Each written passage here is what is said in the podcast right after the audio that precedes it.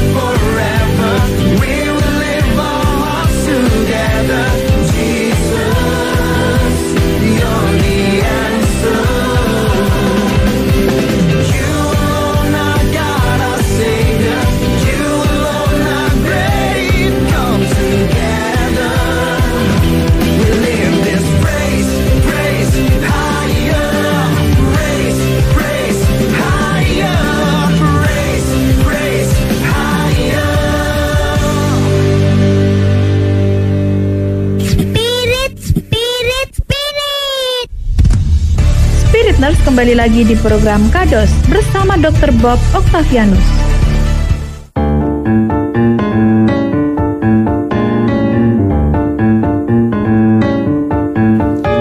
Oke balik lagi di Spirit Transform Your Life dan pagi hari ini mulai pukul 7.30 hingga nanti jam 8.30 satu jam waktu kita menemani kalian semua Spiritness ya untuk kita membahas tentang uh, pasti tentang kesehatan kalau dikata dokter Spirit kita membahas tentang kesehatan dan hari ini topiknya adalah tidak semua benjolan payudara harus dioperasi paling tidak kalau dengan judulnya seperti ini Sally ya uh, uh, para laki-laki mungkin geser ya Iya. Ini, uh, istriku harusnya kamu yang dengerin istriku gitu Iya, para ibu-ibu ya. tapi tapi tidak boleh seperti itu ya benar ya dok ya. Karena para lelaki Iya. juga harus tahu sebenarnya. Para suami-suami juga harus mengerti ya.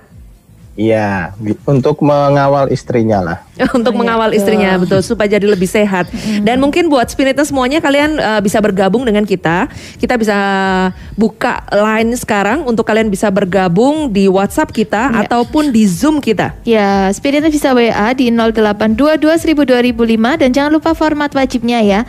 Nama, spasi umur, spasi L atau P juga pertanyaan dari Spirit Nurse. Juga hari ini bisa bergabung via Zoom dengan kita dan langsung bisa bertanya-tanya nih dengan Bob ter Live, Dr. live ya. dengan Dr. Iya, Bob. Betul. Langsung masuk di ID-nya 22.000 2005 dengan passcode-nya 0. Namanya jangan lupa ya diganti dengan format wajibnya.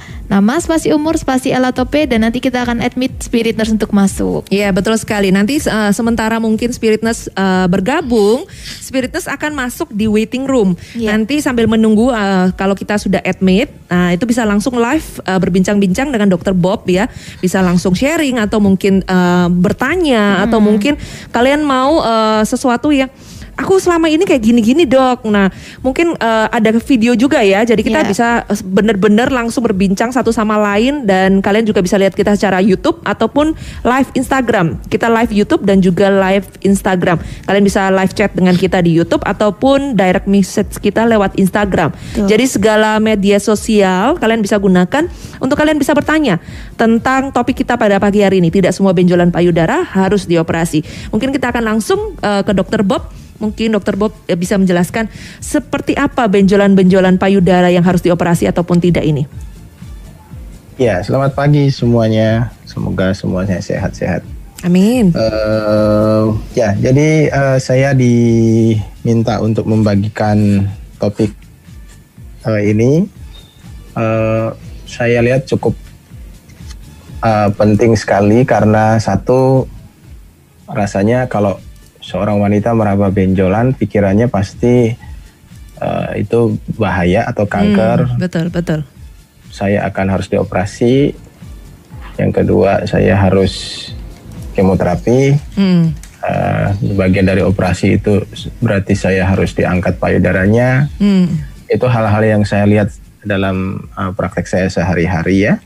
Tapi ternyata eh, kalau kita bicara secara medis, persentase wanita yang datang dengan keluhan benjolan dan ternyata kanker itu eh, tidak sebanyak keluhan lain yang ternyata tidak memerlukan Operasi itu. uh, tindakan apa-apa Hmm. ya. Jadi lebih banyak keluhan benjolan yang dirasakan oleh seorang wanita itu pada saat diperiksa memang jinak ya. Hmm. Baik itu memang ada benjolan jinak atau hanya faktor hormonal saja. Hmm. Nah, itu penting sekali karena eh, topik ini penting sekali karena eh, awam atau masyarakat itu perlu di dijaga, dikawal dari dari eh, pengertian yang salah bahwa kalau saya ada benjolan harus dioperasi ya. Mm-mm. Dan itu biasanya langsung menakutkan ya dok ya. Mereka berpikir bahwa, aduh, kok aku rasakan benjolan. Ah itu sudah mulai khawatir, sudah Ya, mulai takut, ya. sudah mulai gelisah gitu ya dok. Betul. Eh, topik ini saya harapkan nanti juga bukan masalah tidak semua benjolan harus diopera, tidak perlu diopera, tidak semua benjolan harus dioperasi. Mm. tapi juga eh, en- ada pengertian bahwa memang ada benjolan-benjolan yang wajib harus dioperasi. Nah itu, dia. penting juga. Ya itu yang sangat penting itu buat kita ketahui ya Betul. dok ya. betul. Rasanya gambaran besarnya nanti eh, seperti itu. Jadi dari pengalaman sehari-hari waktu praktek ya, Hmm. em, banyak ketakutan-ketakutan itu yang saya coba untuk bagikan ya. Tetapi gini dok, uh, ini Ya. melenceng sedikit ya dari kita berbicara tentang benjolan di payudara. Mungkin kan Ya. uh, dokter Bob kan cukup cukup aktif ya untuk uh, menangani pasien-pasien yang seperti ini. Apakah Ya. Betul. mungkin ada pasien-pasien yang datang terus uh, umpamanya diketahui bahwa memang dia ada benjolan dan harus diperiksa, terus akhirnya dia mundur karena nggak mau diperiksa dok? Apakah ada seperti itu dok pasien-pasien uh, yang dokter mungkin hadapi?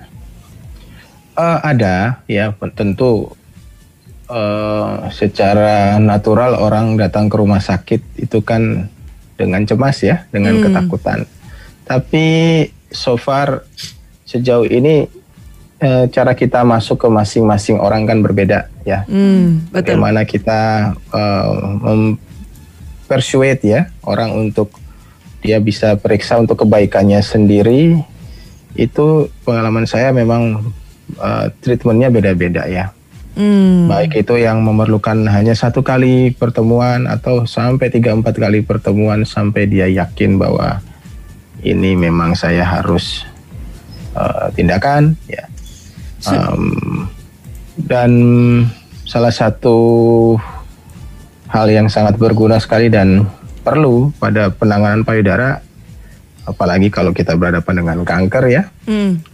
em, em, apa namanya setiap pasien saya itu mempunyai nomor nomor telepon saya Hmm. baik bukan bukan kanker saja kalau pasien kista payudara yang memang tidak berbahaya ya Hmm. itu juga kita saya selalu kita share nomor karena em, menurut saya justru lebih sulit untuk menjelaskan suatu benjolan yang yang jinak dan tidak memerlukan pembedahan, tidak memerlukan terapi Hmm.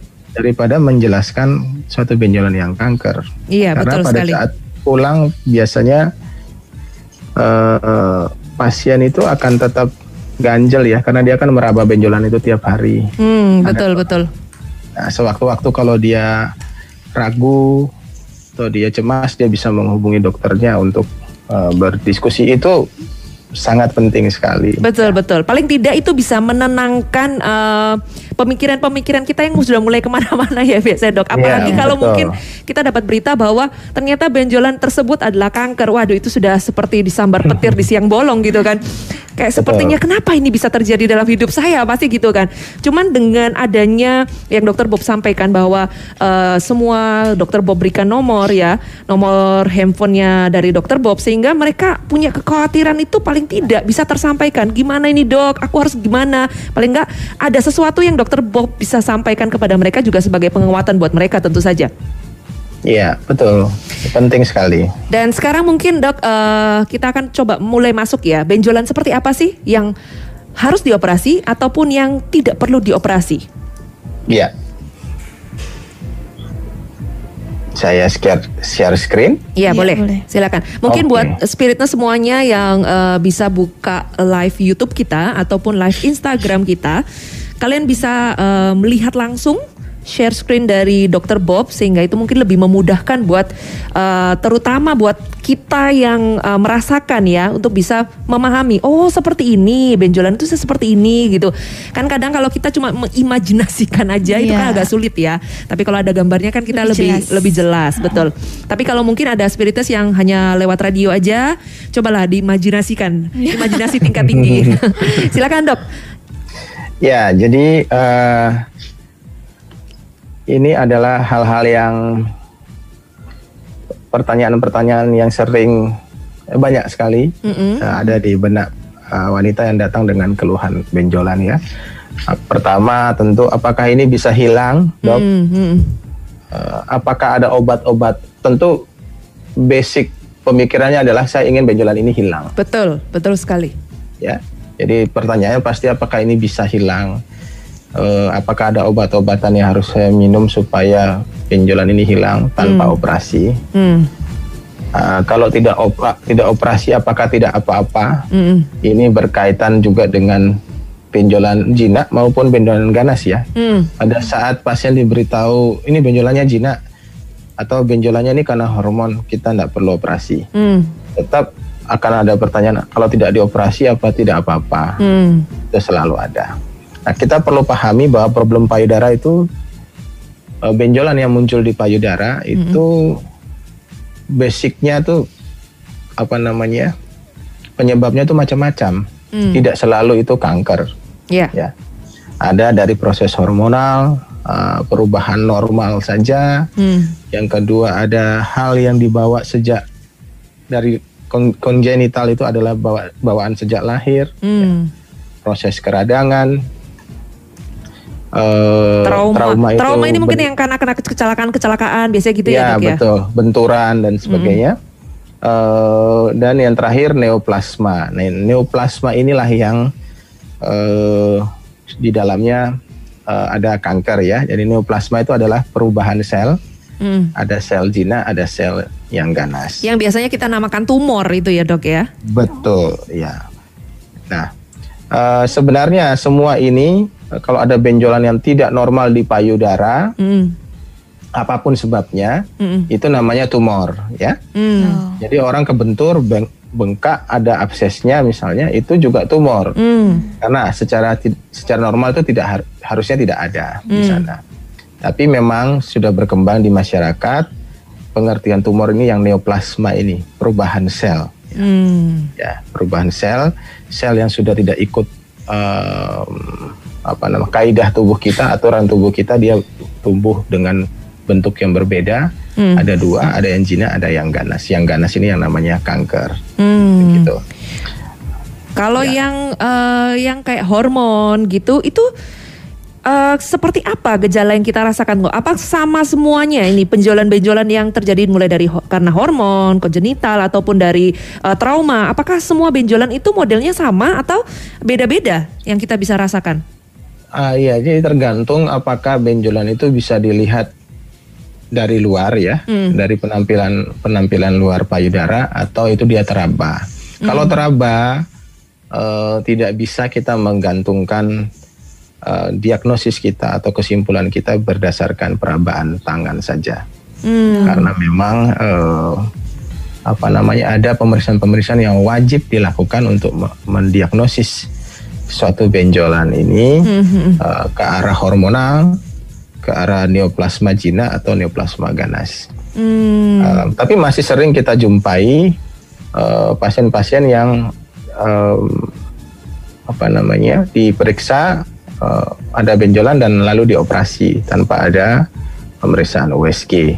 Oh gitu dok. Ini, ini yang perlu kita eh, apa namanya sampaikan supaya Hmm. pasien itu bisa menjaga dirinya sendiri juga ya. Ya. Hmm, hmm, hmm, hmm. Memang eh, penting sekali ya untuk eh, terutama mungkin para wanita-wanita untuk kalian bisa tahu ya benjolan-benjolan atau mungkin kita bisa eh, lebih de- dini untuk mengetahui kalau ada benjolan-benjolan yang ada di payudara ya kan paling tidak dengan itu kan kita bisa langsung eh, konsultasi mungkin dengan dokter atau mungkin kita bisa di saat ini ya mungkin selama satu jam ini kalian Ya. juga bisa bertanya ya kan ini ada beberapa pertanyaan sebenarnya dok, tapi uh, kita akan Boleh. sambung lagi pertanyaannya. Kita akan uh, break dulu sebentar. Kita akan balik lagi ya Spiritness ya. Tetap bersama dengan kita di Spirit FM.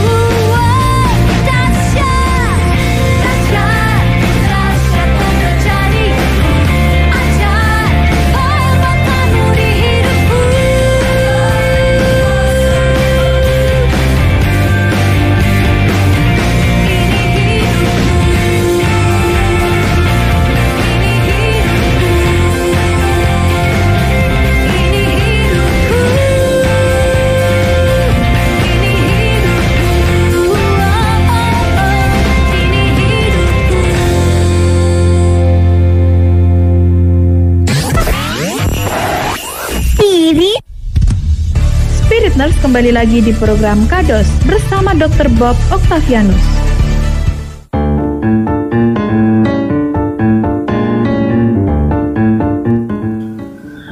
Oke masih bersama dengan Andre, Justin, Sally dan juga Dr. Bob ya pagi hari ini di program Kados ya sampai setengah sembilan pagi ini ya nggak kerasa sudah jam 8 ya jadi Iya, betul sekali. kurang setengah jam lagi ya buat Spiritness pagi hari ini yang mau bertanya tentang tema pagi hari ini yaitu tidak semua benjolan di payudara harus dioperasi ya Hmm. jadi uh, buat Spiritness kita juga menambah pengetahuan kita kita boleh tahu lebih jelas lagi ya Hmm. bahwa tidak semua benjolan di payudara kita uh, di payudara itu harus dioperasi ya buat Spiritness nah jadi buat Spiritness pagi ini uh, kita akan langsung uh, bacakan WA yang masuk ya Justin ya. Iya betul sekali ini sudah ada mulai pertanyaan yang mulai banyak masuk ya. Betul, ya. Semoga uh, kita akan bisa sampaikan semuanya dan sekali lagi dulu kita mau info-info dulu buat semua spiritus yang Iya. bisa bergabung. Jangan lupa format wajibnya ya memakai nama spasi umur spasi L atau P. Jadi namanya di depan, setelah itu umurnya, setelah itu jenis kelamin Iya, laki betul. atau perempuan karena itu uh, sangat-sangat penting untuk diketahui dokter ya.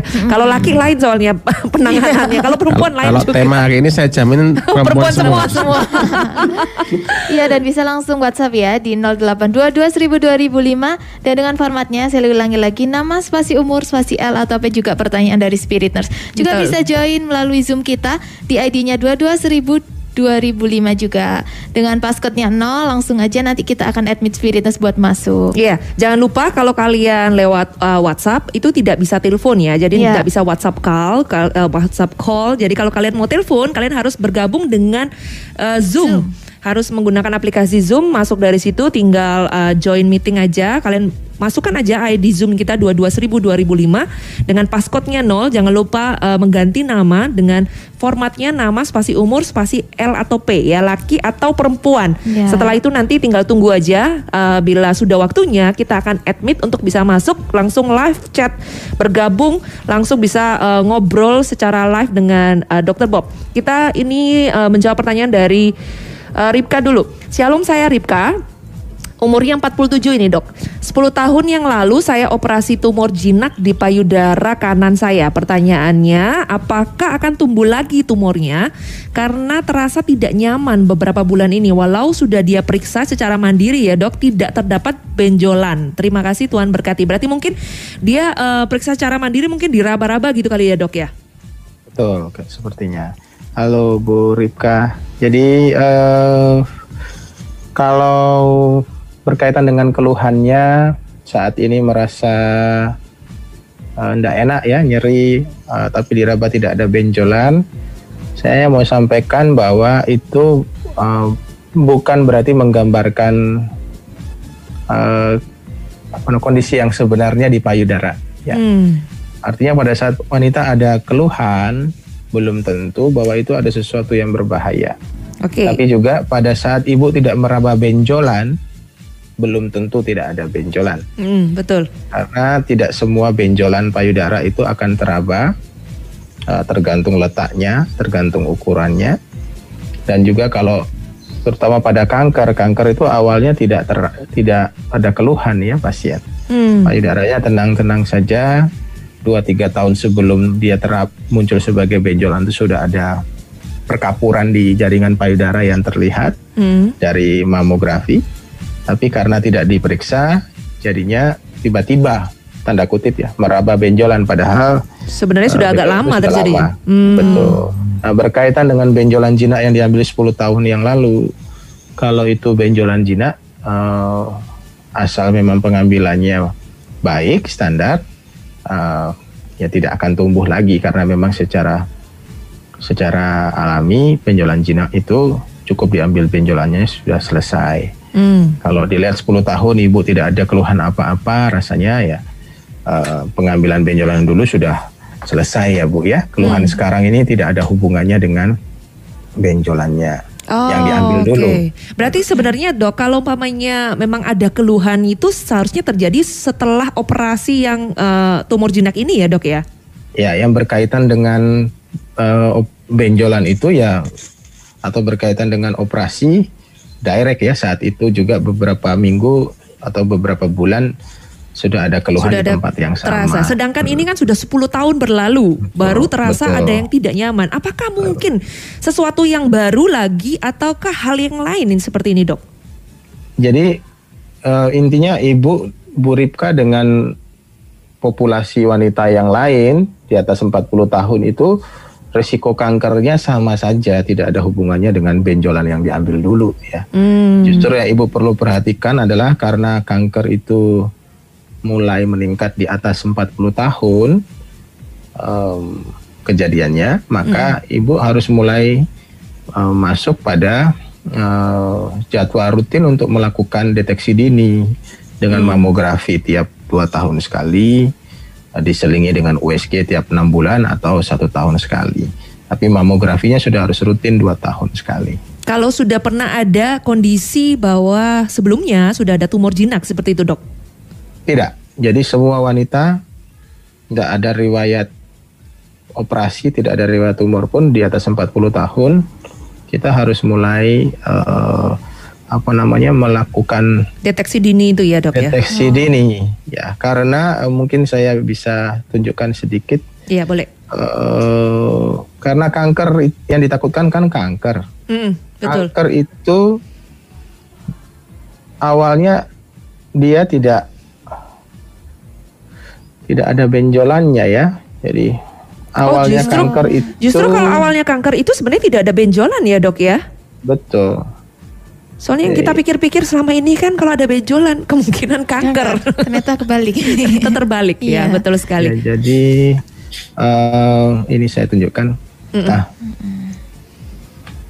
Jadi awalnya kanker itu 2-3 tahun sebelumnya sudah ada perubahan berupa perkapuran di di payudaranya. Bisa dilihat screen- screen saya ya. Ya, bisa yang, bisa, Dok. yang di- lingkari putih itu adalah perkapuran tanda awal dari kanker. 2-3 tahun setelah itu Oh. baru kanker itu akan teraba oleh seorang wanita dan di- dikeluhkan dan dia datang ke dokter.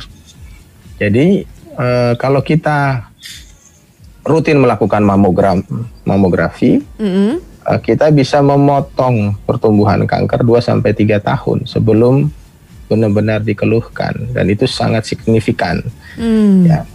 Oke, oke. Eh, jadi ba- kalau sudah ada perkapuran seperti ini nggak akan ada ke- tidak tidak ada keluhan apa-apa Pak, wanitanya. Jadi seperti normal biasa ya, Dok ya? Betul. Tidak ada Setelah keluhan. setelah 2 3 tahun itu sebenarnya waktu yang cukup lama loh, Dok ya, untuk akhirnya uh, Iya. kanker ini uh, membesar dan mulai membuat tidak nyaman uh, sama penderitanya ya, Dok ya? Jadi perbedaan signifikannya adalah pada perkapuran seperti ini, kanker itu tidak punya kemampuan untuk melakukan penyebaran. Ah, Oke. Tetapi pada saat dia menjadi benjolan, Mm-mm. itu mayoritas sudah mempunyai kemampuan, potensi ya, Hmm, hmm. untuk melakukan penyebaran. Oke. Jadi, Kalau kita menemukan masih perkapuran begini, itu 100% sembuhnya.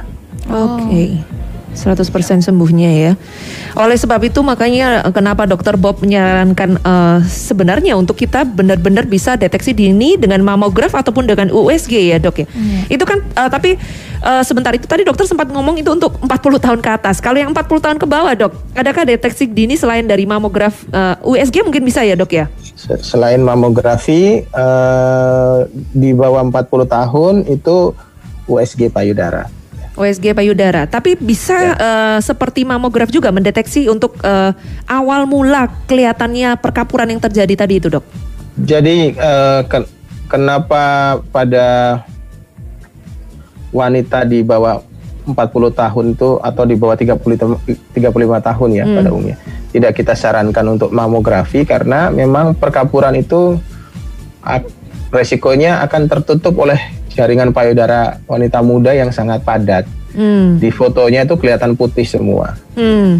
Jadi pada wanita muda mamografi itu sensitivitasnya untuk menangkap suatu perkapuran seperti yang tadi saya tunjukkan itu menjadi turun Oh, oke oke oke. sehingga tidak disarankan bukan karena bahaya tapi efektivitasnya turun Hmm. ya. Jadi kita eh, dan juga berdasarkan statistik kan walaupun memang ada tidak sebanyak di atas 40 tahun. Jadi memang pilihannya kalau di atas 40 tahun mamogram mamografi di bawah 40 tahun dengan USG. Dari USG pun kita bisa mendeteksi eh, apa namanya Adanya benjolan-benjolan. Oh, oke. Adanya benjolan-benjolan yang masih sangat kecil. Hmm. Em, apa namanya? Saya bisa tunjukkan ada yang masih 4 mili Hmm. itu sudah bisa terdeteksi 4 oleh- mili kecil Empat banget. mili, ya. ya Kecil. bisa terdeteksi oleh pemeriksaan USG yang baik ya. Andre cuma ketawa-ketawa aja dari tadi ya. Andre, rasanya kamu harus ngajak istri kamu untuk bisa bergabung ya. Jadi ini Kak, ini contohnya kalau suatu benjolan 4 mili Mm. bisa kita lihat lewat lewat USG. Oke. Ini itu Ah, kira-kira itu 5 mili, 6 mili juga bisa. Sebentar dok, Yang apakah itu sebelah yang mana ya? merah-merah itu dok? Bukan yang merah-merah itu pembuluh darahnya, yang di yang di kotak Oh, yang, yang di kotak kotak. garis Oh, putus-putus oke, oke, oke. hijau. Iya, itu adalah benjolan dan itu tidak akan teraba oleh seorang pasien. Oh. Kita aja nggak jelas ya, Iya. apalagi apalagi mau diraba, ya kan?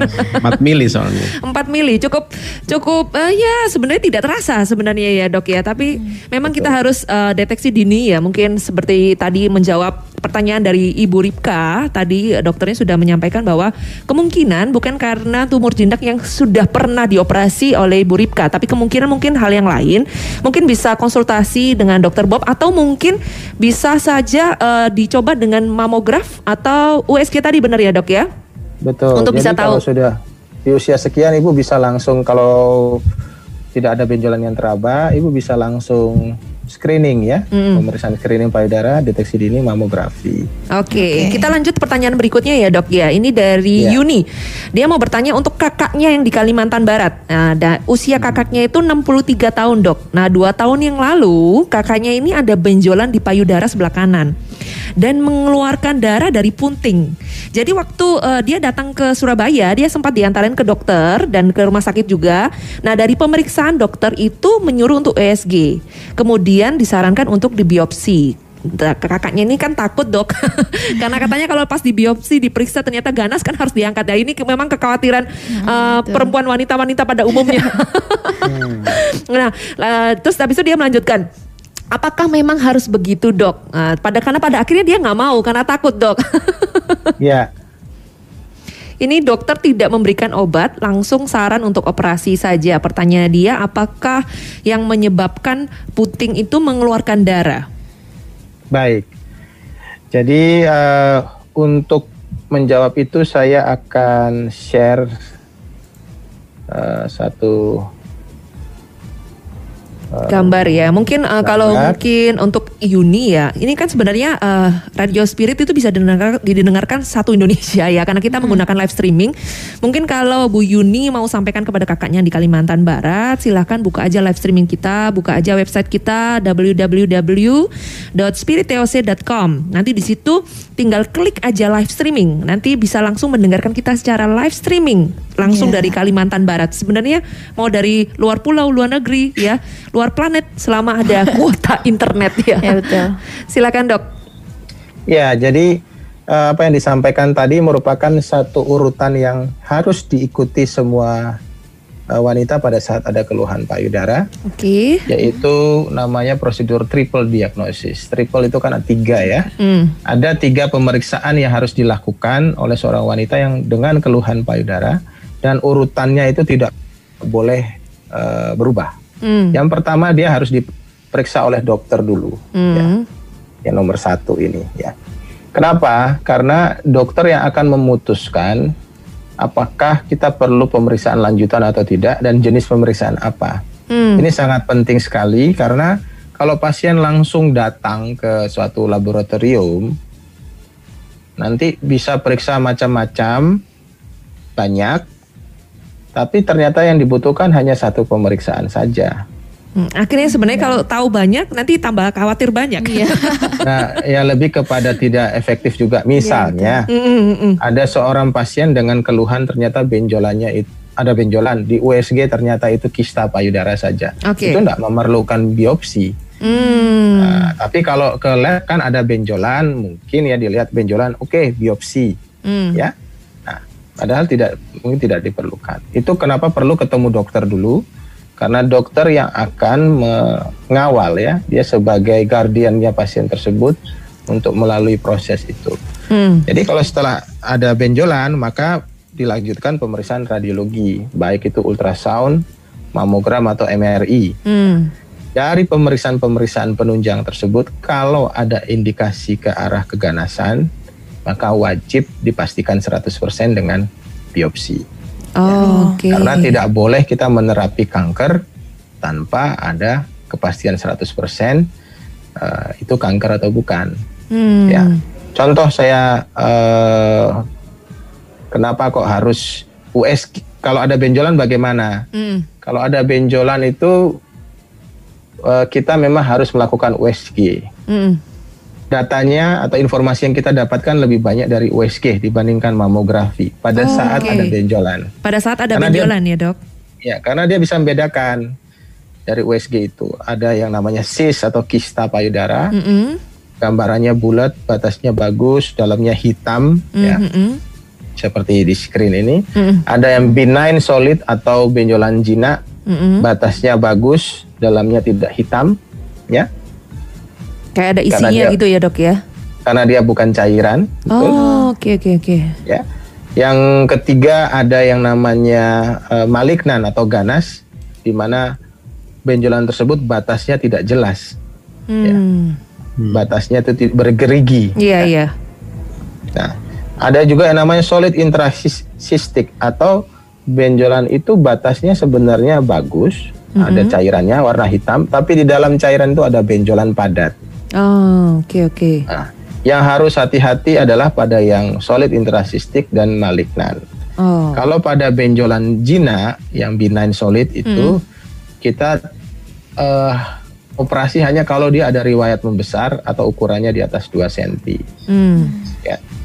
Itu pun pada wanita muda saat ini pengambilan benjolan jinak itu tidak perlu kita operasi.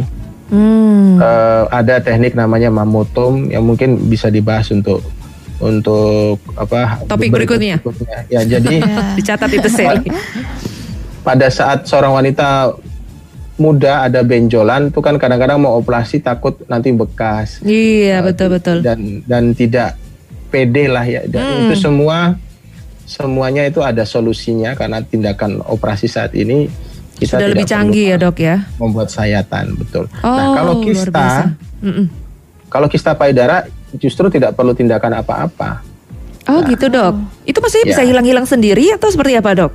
Dia akan hilang timbul ikut ikut fluktuasi hormon wanita tersebut karena ini memang bentukan normal pada 70% wanita di dunia. Oke. Ya Tuhan kasih 70% wanita itu di atas 30 tahun dia mulai muncul kista payudara saat hormonnya tinggi. Nanti Oh. akan turun, hilang timbul. Pada umumnya pada saat sudah menopause, kista itu akan menghilang atau mengecil dan itu tidak berbahaya. Hanya perlu pemahaman saja bahwa kis benjolan ini tidak bahaya. Oh oke seperti itu. Jadi ya. bisa dibayangkan keempat benjolan ini kalau kita raba dari luar Mm-mm. tidak ada perbedaannya. Hanya teraba benjolan saja. Itu kenapa diperlukan USG. Kalau kita balik lagi ke pertanyaannya dari Bu Yuni tadi dok, kenapa Betul. bisa mengeluarkan darah? Nah, mengeluarkan darah melibatkan share share screen yang lain sebentar. Melibatkan apa ya? Iya. Sebentar, Sebentar. saya agak percepat ya dok, soalnya waktunya mepet banget ini masih ada pertanyaan yang lain. betul. Nah, ini saya share satu gambar saja. Mm-mm. Nah, bisa dilihat ya. Ya, Iya. Yang kayak eh, Jadi- pohon ini ya dok ya. Ya, itu adalah saluran air susu. Oh, Potongan oke. salah satu salah satu salah satu saluran air susu Mm-mm. di mana ada tulisan duct itu adalah saluran Mm-mm. dan lobule itu adalah uh, tempat produksi air susu lah gampangannya seperti itu. Mm-mm. Kanker payudara itu 85% berasal dari saluran air susu. Oh, berarti bukan 15 yang bulat-bulatnya itu malah dok ya? Ya, bukan di lobule atau tempat produksi air susu itu bukan. 85% itu berasal dari saluran air susu. Salur, saluran air susu ini dia bermuara pada puting. Hmm. Sehingga setiap ada cairan yang keluar dari puting tidak normal, kita harus hati-hati kanker. Karena memang prosesnya mulainya dari dalam saluran tersebut. Iya betul betul betul. Terutama apabila kualitasnya adalah warna darah atau cairan bercampur darah seperti air cucian daging begitu. Hmm, iya iya yang Itu agak kotor-kotor gitu ya. ya. Dan pada wanita di atas 40 tahun itu harus hati-hati. Hmm, ini Itu soalnya penjelasannya. ini soalnya kalau eh, pertanyaan dari Bu Yuni ini kan dia eh, kakaknya itu berusia 63 tahun. Betul. Apakah Jadi ada Eh-eh. kalau saya lihat dari dari klinisnya pemeriksaan dokter ada kecurigaan ganas, dikonfirmasi dengan USG memang ada kecurigaan ganas. Mm-mm. Lalu eh, apa namanya disarankan untuk tindakan Biopsi pembedahan. itu ya. Pembedahan itu Oh iya, melibatkan operasi. biopsi, Uh-uh. biopsi dan direct treatment. Jadi kalau ternyata ganas langsung dilakukan tindakan pembedahan. Hmm, tapi ini kan eh, kalau kita lanjutkan dari eh, Bu Yuni kan eh, kakaknya sebenarnya takut ya dok ya. Betul. Terus eh, dia tanya kan, apakah memang ha- bisa dia minum obat-obatan aja atau dia memang memang harus operasi? Mungkin dia harus menguatkan anunya dulu, menguatkan imannya Iya. untuk operasi. Jadi dia tanya dulu, eh, apakah bisa ada obat-obatan dok yang untuk mengatasi ini? Eh, jadi harus dipahami bahwa kalau itu proses kanker atau latar belakangnya adalah proses kanker, maka apa namanya eh, Ob- itu adalah suatu proses yang berjalan terus menerus, Akan terus membesar ya, dok ya? yang endingnya adalah penyebaran. Nah, Oh. penyebaran itu yang kita tidak inginkan karena eh, apa namanya yang berbahaya dari kanker itu bukan benjolan di payudaranya, Hmm. ya, tapi penyebarannya. Oke. penyebarannya. Jadi kalau ada daerah yang di tubuh kita yang selnya sudah tidak normal, ya, sudah tidak normal, maka daerah itu sebelum dia melakukan penyebaran, memang harus kita buang ya, harus kita apa namanya, harus kita bersihkan. Hmm, hmm. Nah ini ini adalah eh, perjalanan dari suatu benjolan yang yang awalnya dia kalau jinak dia tetap jinak saja. Hmm. Tapi kalau ganas itu yang malignan ini dia mulai dari sel yang berubah tidak normal, Hmm. lalu membesar, Hmm. lalu yang pada gambar paling kanan sendiri dia membentuk pembuluh darah sendiri dan juga menyebar melalui pembuluh darah itu dan pembuluh darah limfo. Nah, itu butuh itu butuh waktu tapi itu adalah suatu hal yang certain ya, yang pasti bahwa kalau benjolan itu ganas, perjalanannya dia akan melakukan penyebaran. Nah itu yang berbahayanya. Mungkin Justin akan bikin suatu kesimpulan buat eh, Yuni yang bisa membantu untuk kakaknya yang di Kalimantan itu bahwa eh, kalau kesimpulan dari Justin nangkep dari dokter Bob adalah memang salah satu eh, cara ya dioperasi karena tingkat nanti kalau dibiarkan terus menerus dengan diagnosis yang sudah jelas ya nanti malah eh, bisa ke mana-mana ya ada penyebarannya gitu ya dok ya. Betul. Dan itu yang mesti harus uh, diselesaikan terlebih dulu. Dan ada beberapa pertanyaan-pertanyaan yang lain lagi. Kita uh, mungkin sudah tutup untuk pertanyaan selanjutnya ya. Karena waktunya sangat-sangat mepet. Tapi kita akan uh, bagikan yang pertanyaan yang mungkin sudah masuk ya. Uh, satu pujian sebelum nanti kita akan balik lagi. Lift up your spirit. Be courageous and different. Let His light shine upon you. Let His limitless power be revealed through you.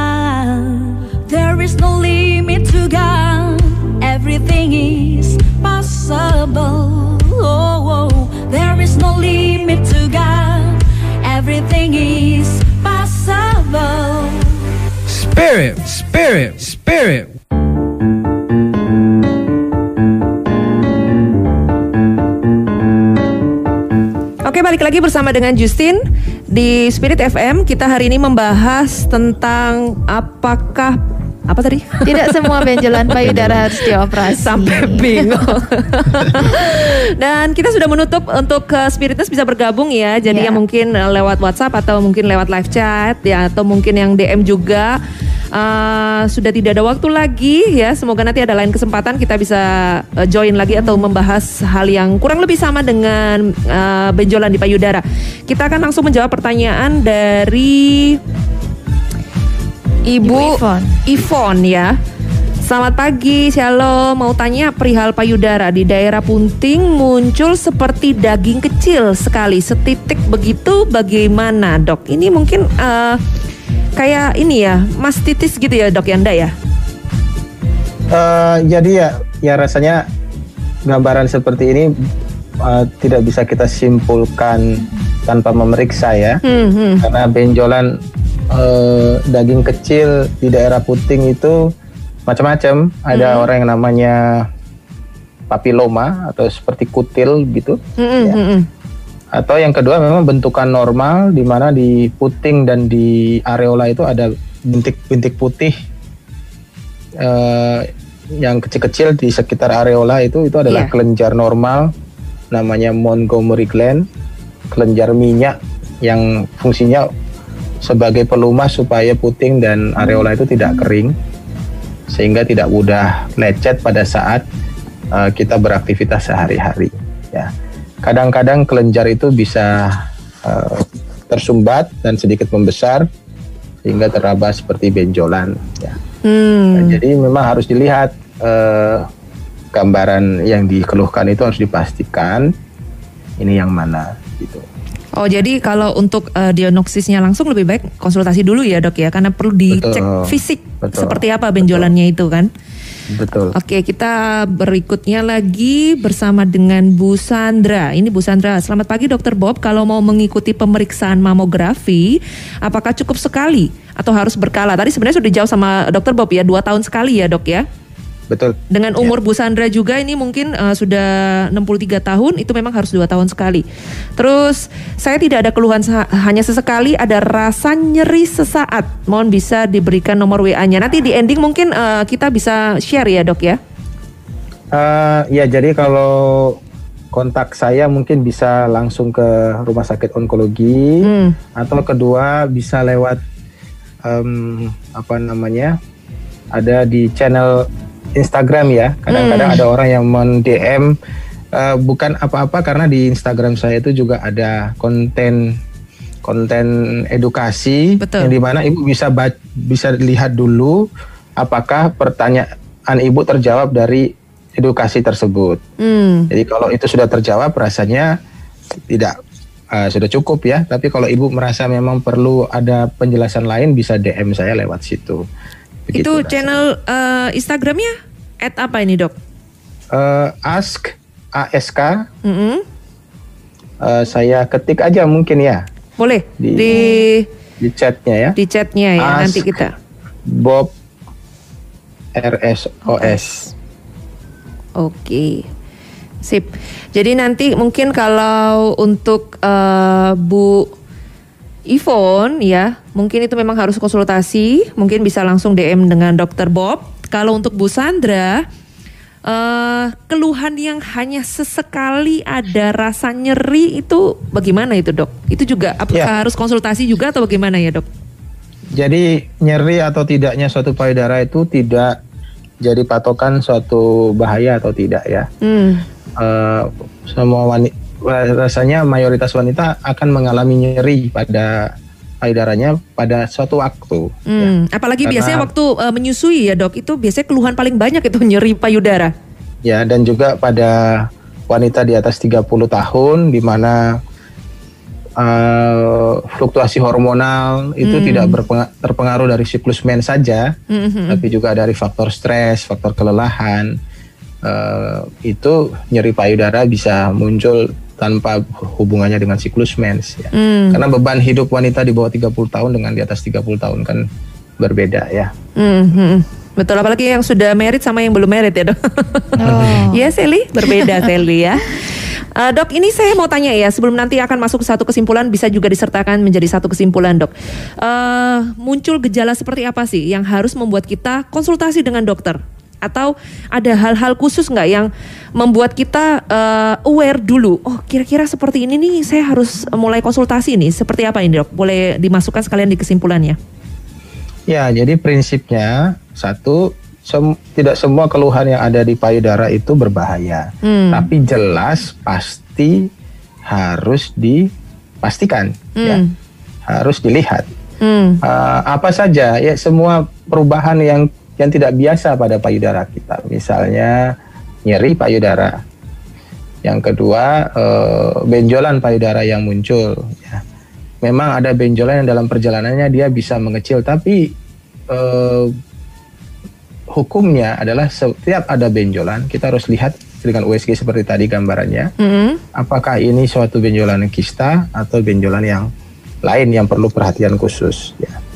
Nyeri payudara itu eh, kita masih ada space untuk misalnya ya eh, sedang di luar pulau, Mm-mm. gitu, bukan berarti harus langsung besoknya, ya.